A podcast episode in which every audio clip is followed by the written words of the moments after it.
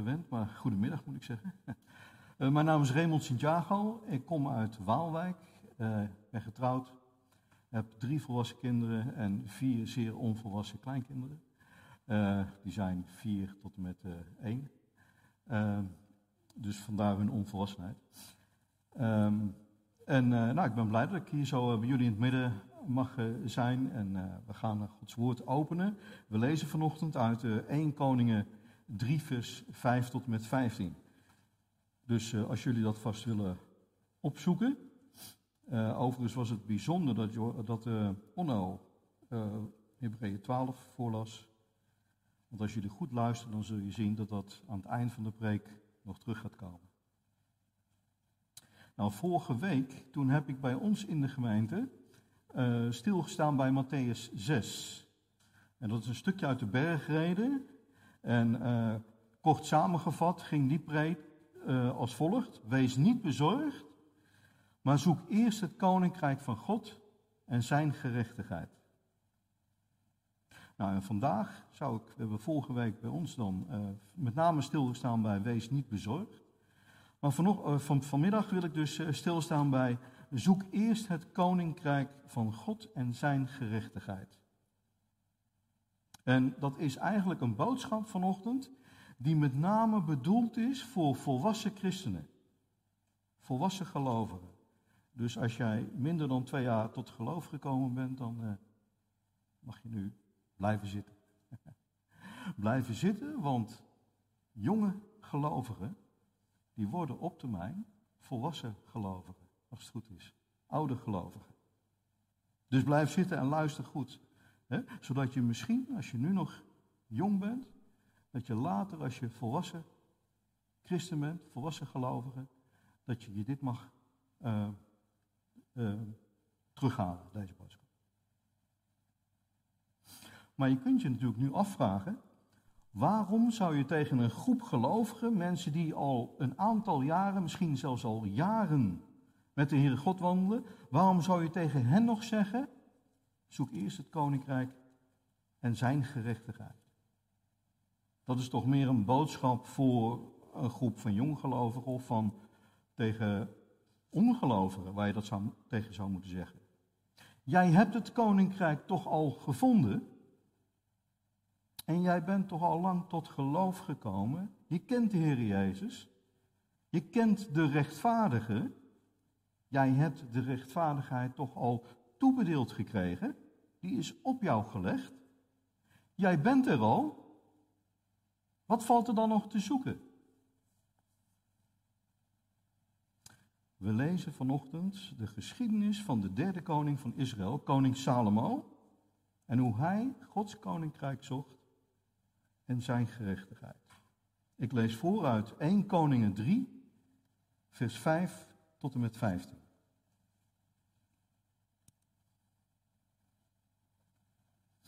1 Koningen 3, vers 5.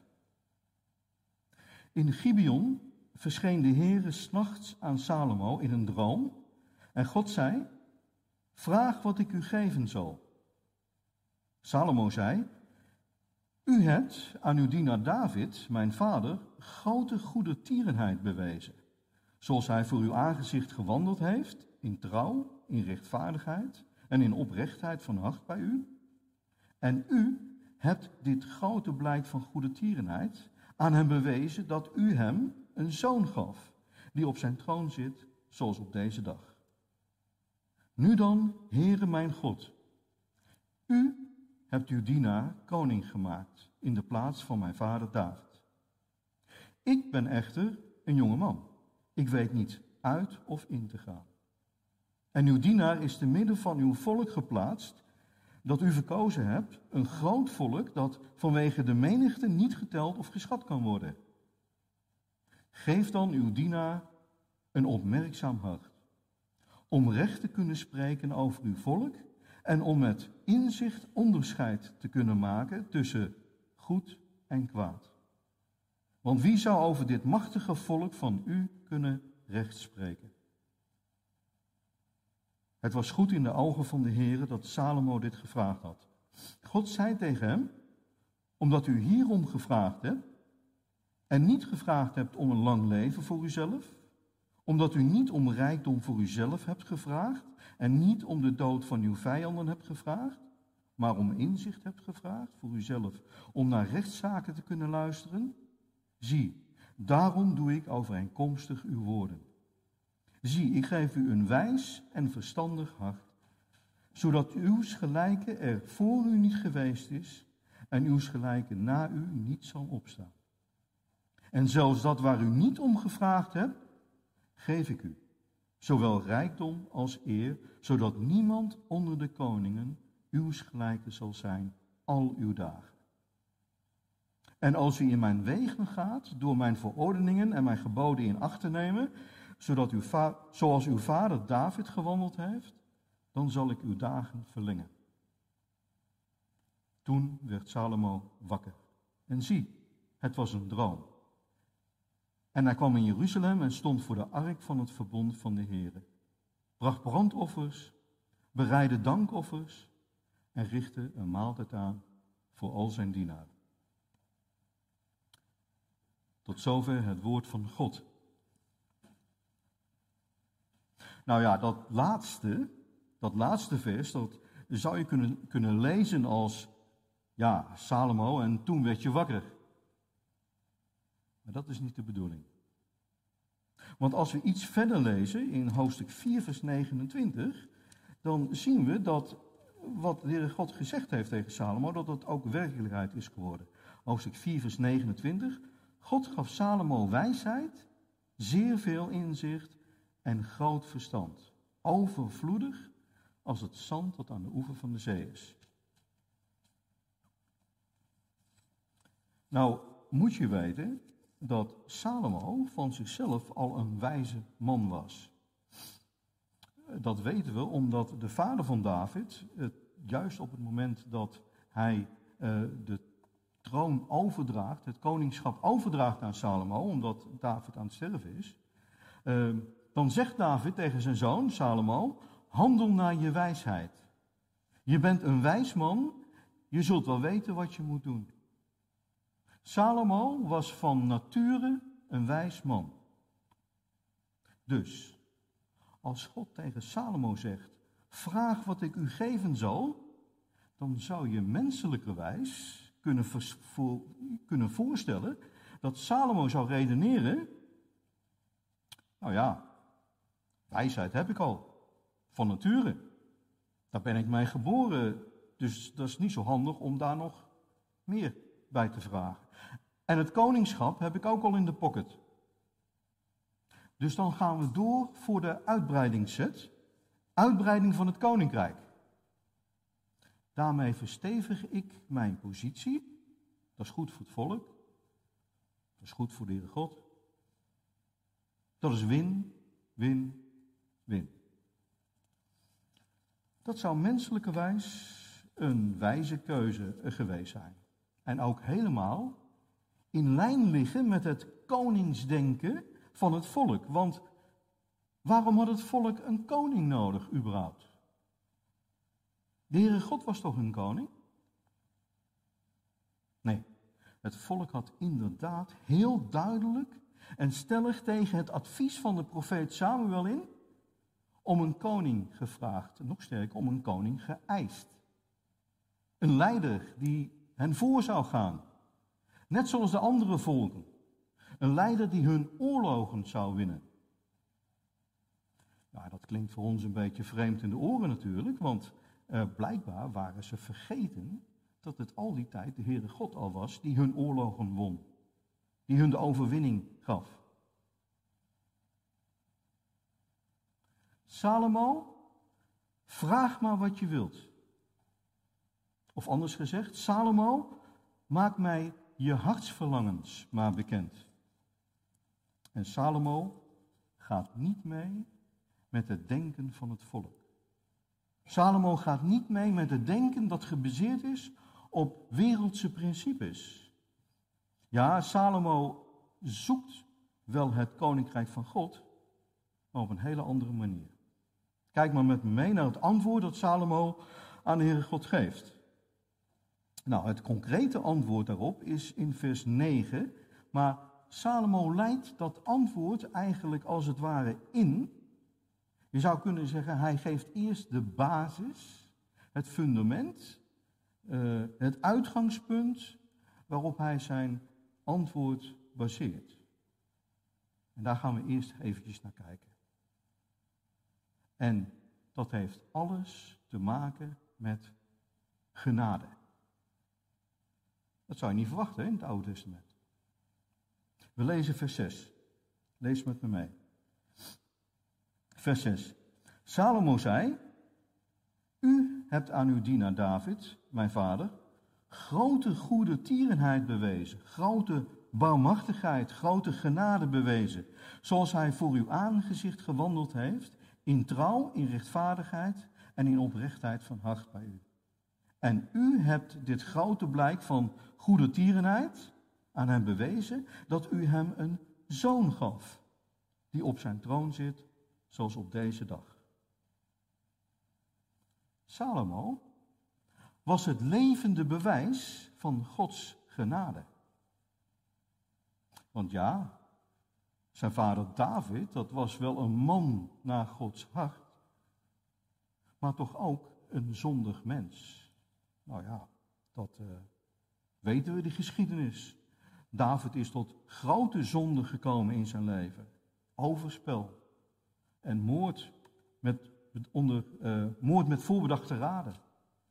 We kennen de, het verhaal van David en Bathsheba.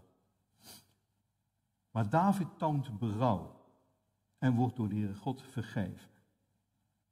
En vervolgens toont God zijn genade door aan David en Bathsheba een tweede zoon te geven. En dat is Salomo. Je zou kunnen zeggen, een zoon die uit genade geboren is. Lees met me mee, vers 6b, het tweede gedeelte van 6. En u hebt die grote blijk van goede tierenheid aan David bewezen, dat u hem een zoon gaf, die op zijn troon zit, zoals op deze dag.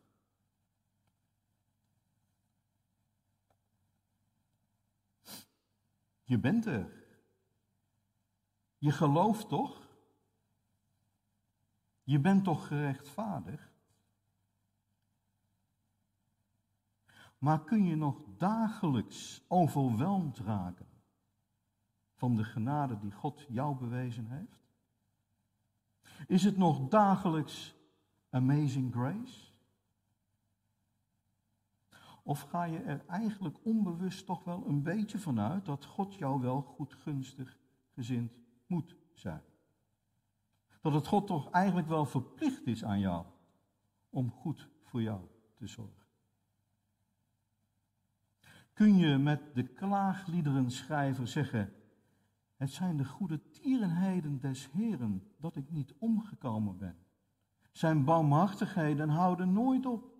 Ze zijn nieuw elke morgen. Groot is uw trouw, o Heer. Mijn deel is de Heere. Daarom zal ik op Hem hopen. Zoek jij nog dagelijks het koninkrijk van God en Zijn gerechtigheid?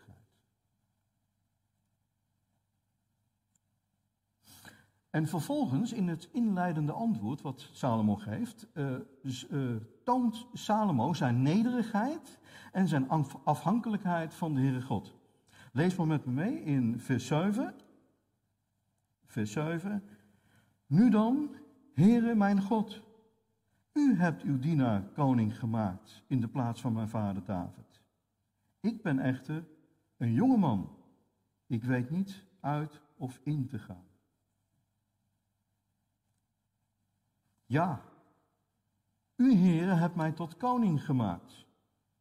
U hebt mij een taak gegeven in uw koninkrijk.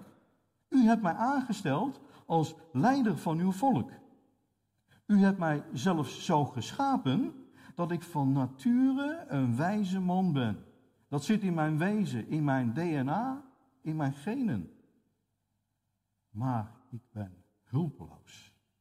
Ik ben niet in staat de taak die u mij gegeven hebt te volbrengen. Dat is Salomo's aanloop tot zijn antwoord op de vraag van de Heere God.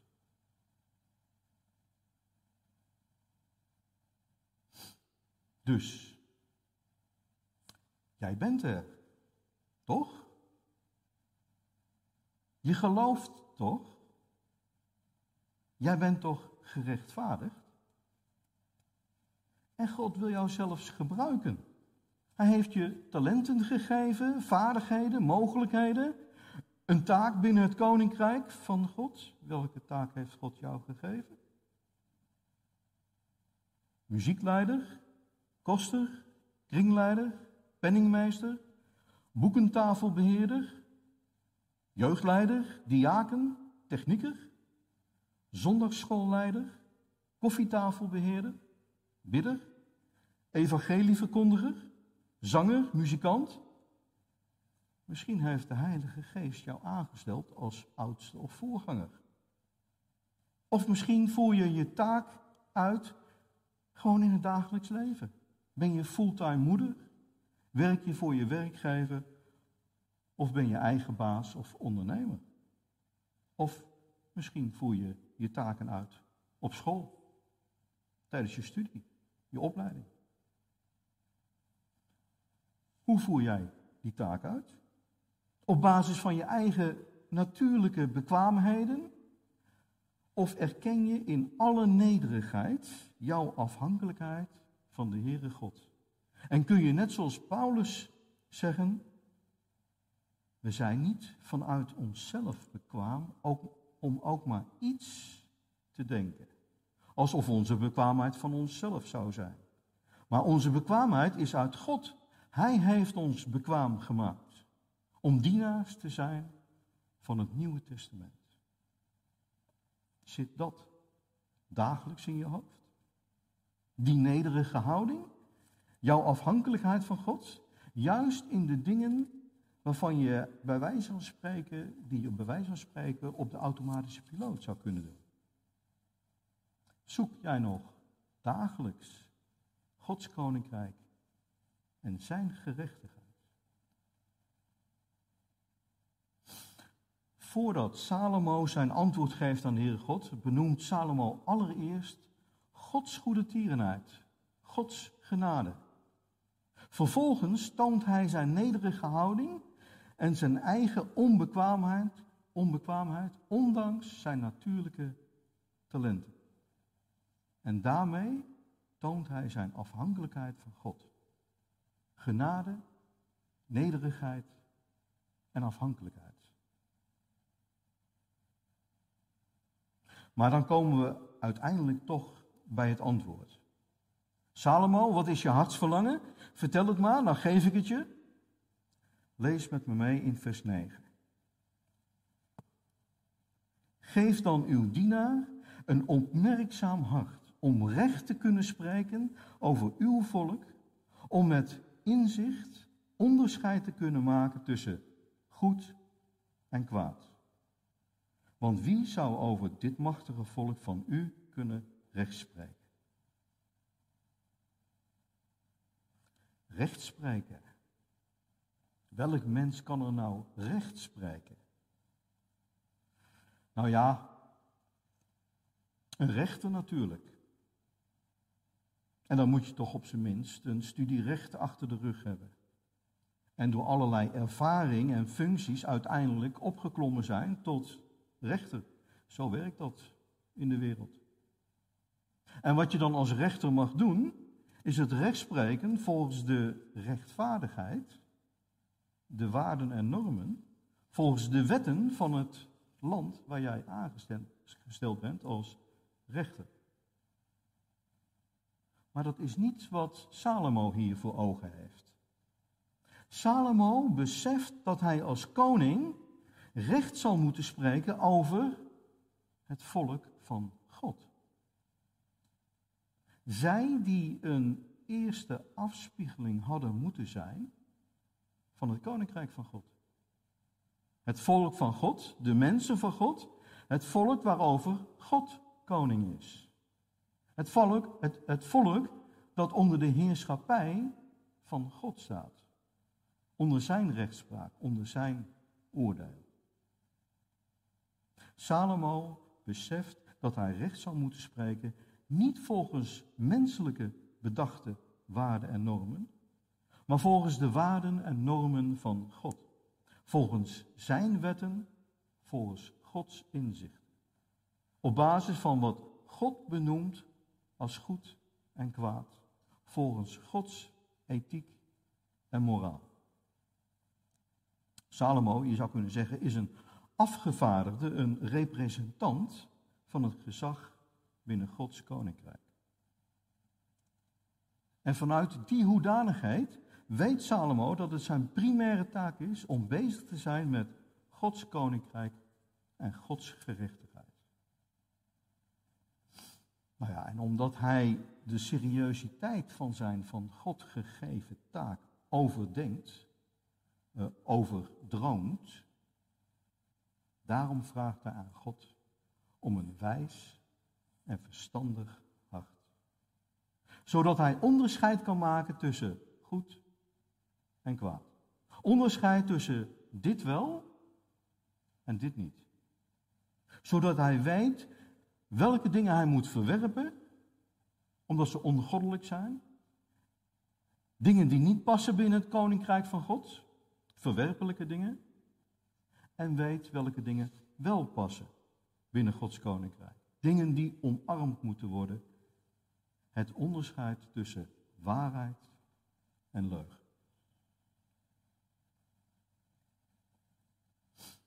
Dus, jij bent er, toch? Jij gelooft, je bent gerechtvaardigd. En bovendien ben je al geruime tijd christen. Het moment van jouw bekering ligt al ver achter je. En misschien heb je het geloof zelfs wel van kinds af aan meegekregen. Net zoals Salomo. En nu?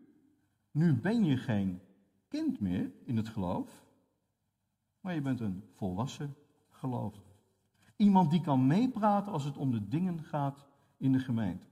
Iemand die misschien ook wel volwassen taken uitvoert binnen de gemeenschap. Taken die echt horen bij volwassen Of misschien ben je juist wel op zoek naar zo'n volwassen taak.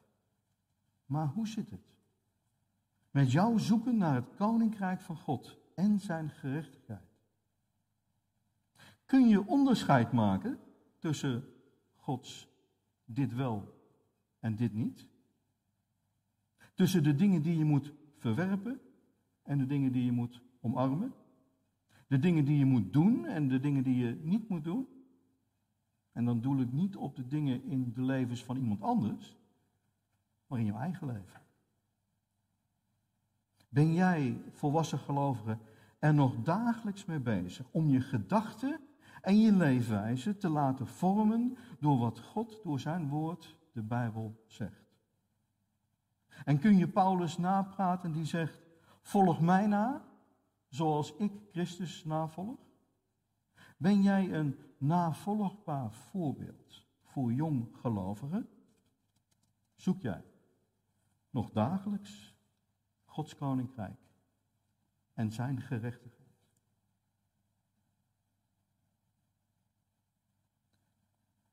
Het gebod dat de Heer Jezus geeft, als hij zegt, zoek eerst het koninkrijk van God en zijn gerechtigheid, dat is geen gebod wat hij geeft aan heidense ongelovigen, maar juist aan zijn discipelen en aan de grote menigte van Joodse volgelingen. Je zou kunnen zeggen aan hen die kinderen van het koninkrijk hadden moeten zijn. De Joden de, die de Messias verwachten, die uitkeken naar het koninkrijk.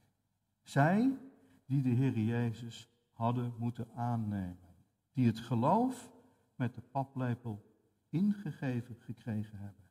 Zij die van zichzelf dachten, ik ben er. Nou, we kennen de geschiedenis. Vele van hen hebben de koning verworpen en liepen weg van het koninkrijk. Zij zochten wat anders. En we kennen helaas ook de geschiedenis van Salomo. Deze wijze godsman, die Gods gerechtigheid en Gods koninkrijk zocht, die door God gezegend was met wijsheid als geen ander, waarvan we nog steeds de wijsheidsspreuken lezen in de Gods woord, en die bovendien door God ook nog tot rijkste man van de aarde gemaakt werd, was. Aan het eind van zijn leven, je kunt zeggen, op het moment dat hij een meer dan volwassen gelovige had moeten zijn, op het moment dat hij op en top navolgbaar had moeten zijn, juist dan zoekt Salomo zijn eigen gerechtigheid. En doet hij dingen die hij goed vindt. Die goed zijn in zijn ogen. Ik lees wat fragmenten voor jullie voor uit hoofdstuk 11.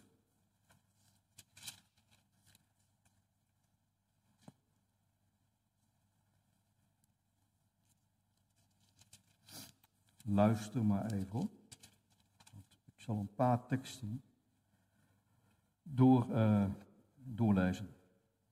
Uh, koning Salomo had inmiddels op het eind van zijn leven veel uitheemse vrouwen lief. Dat waren vrouwen uit de, de omliggende volken, de Moabieten, de Ammonitische, de Edomitische. Dat waren de grote vijanden van het volk Israël, afstammelingen van Esau. Sidonitische en Hethitische vrouwen. En daarvan had de Heere God gezegd tegen het volk Israël: U mag niet naar hen toe gaan en zij mogen niet bij u komen. Zij zouden ongetwijfeld uw hart doen afwijken, achter hun goden aan. En daar hechtte Salomo zich aan in liefde. En dan staat er: Het was in de tijd van Salomo's ouderdom dat zijn vrouwen zijn hart deden afwijken. Achter andere goden aan, zodat zijn hart niet volkomen was met de Heere zijn God, zoals het hart van zijn vader David. Zo deed Salomo wat slecht was in de ogen van de Heere. Hij volhardde er niet in de Heere na te volgen, zoals zijn vader David. En dit is absurd als je het hier leest, maar dan gaat, gaat Salomo offerhoogten bouwen om afgoden te offeren. En dan staat er, daarom werd de Heer toornig op Salomo, omdat zijn hart van de Heer was afgeweken. En dan zegt de Heer God tegen Salomo, ik zal het koninkrijk zeker van u losscheuren en het aan uw dienaar geven.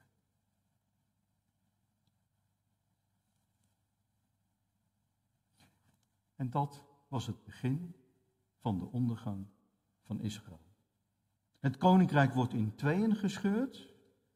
En er ontstaat een constante stroom van koningen die niet navolgbaar zijn.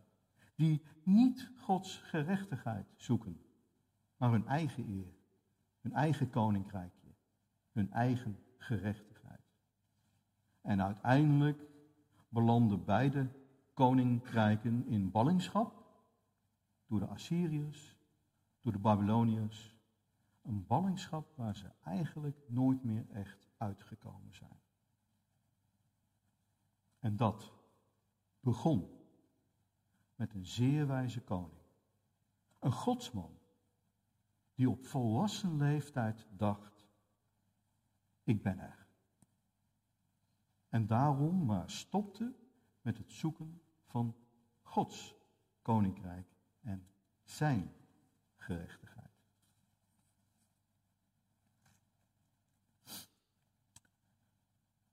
Broeders en zusters, het is goed om lessen te leren van godsmannen die in de Bijbel beschreven worden. Maar daarbij moeten we ons altijd realiseren dat ook zij mensen waren. Mensen waarvan zelfs koning Salomo zegt dat er geen enkel mens is zonder zonde. Dat zien we bij de godsman Mozes, bij Abraham, bij Salomo, bij David. We mogen van deze godsmannen leren, jazeker, van de goede dingen, maar ook van hun fouten, zodat wij niet dezelfde fouten maken als zij. Er is echter gelukkig. Eén godsman die we blindelings kunnen volgen. Omdat hij geen enkele zonde heeft gedaan. Dat is de godsman. Jezus Christus, de Zoon van God.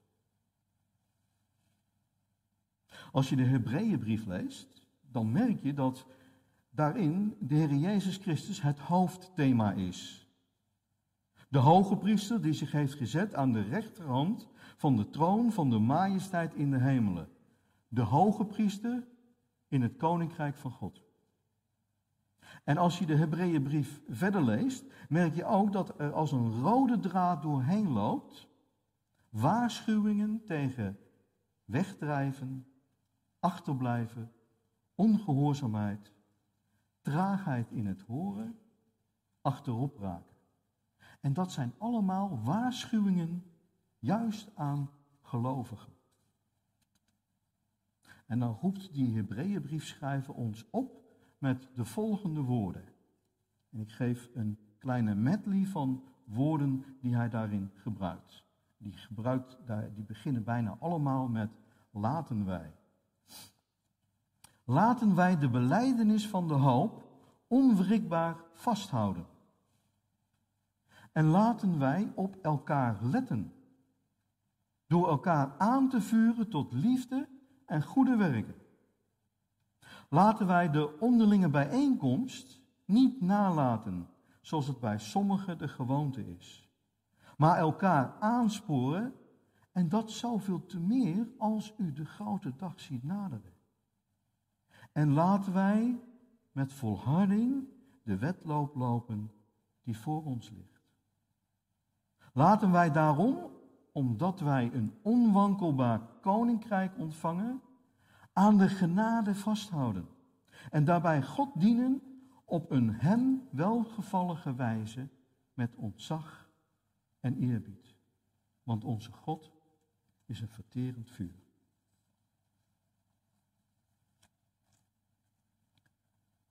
Waarom zou je tegen een groep gelovigen, mensen die al jaren met de Heere God wandelen, waarom zou je tegen hen zeggen, Zoek eerst het koninkrijk van God en zijn gerechtigheid.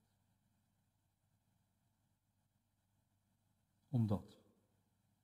Omdat het zoeken, het najagen van Gods gerechtigheid en zijn koninkrijk een dagelijkse activiteit behoort te zijn. Zeker en juist voor volwassen christenen. Omdat zij daarin een voorbeeld behoren te zijn voor jonggelovigen. Omdat volwassen gelovigen volwassen genoemd worden, juist omdat en vanwege het feit dat ze hiermee bezig zijn. Omdat volwassen gelovigen hierin hun vreugde vinden. Omdat als je hiermee stopt, je automatisch vervalt in het zoeken van je eigen gerechtigheid. Maar bovenal, omdat de voorloper, de koploper van hun geloof, Jezus Christus, omdat Hij de koning is, de vleesgeworden gerechtigheid van God. Als je Gods koninkrijk en zijn gerechtigheid zoekt, dan ben je dagelijks bezig met het zoeken, het najagen, het volgen van de Heer Jezus.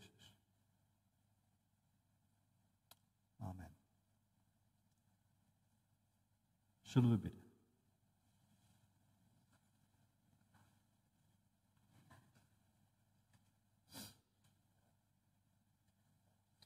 Heer Jezus we dit zo overdenken, dat u ons oproept om eerst uw koninkrijk en uw gerechtigheid te zoeken.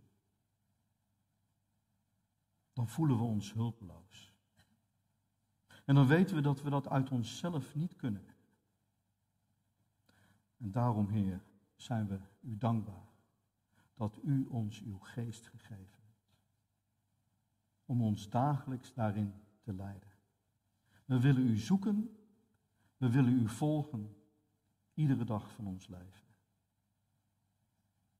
Heer, wilt u ons daarin zo helpen en bijstaan. Dank u wel voor uw genade.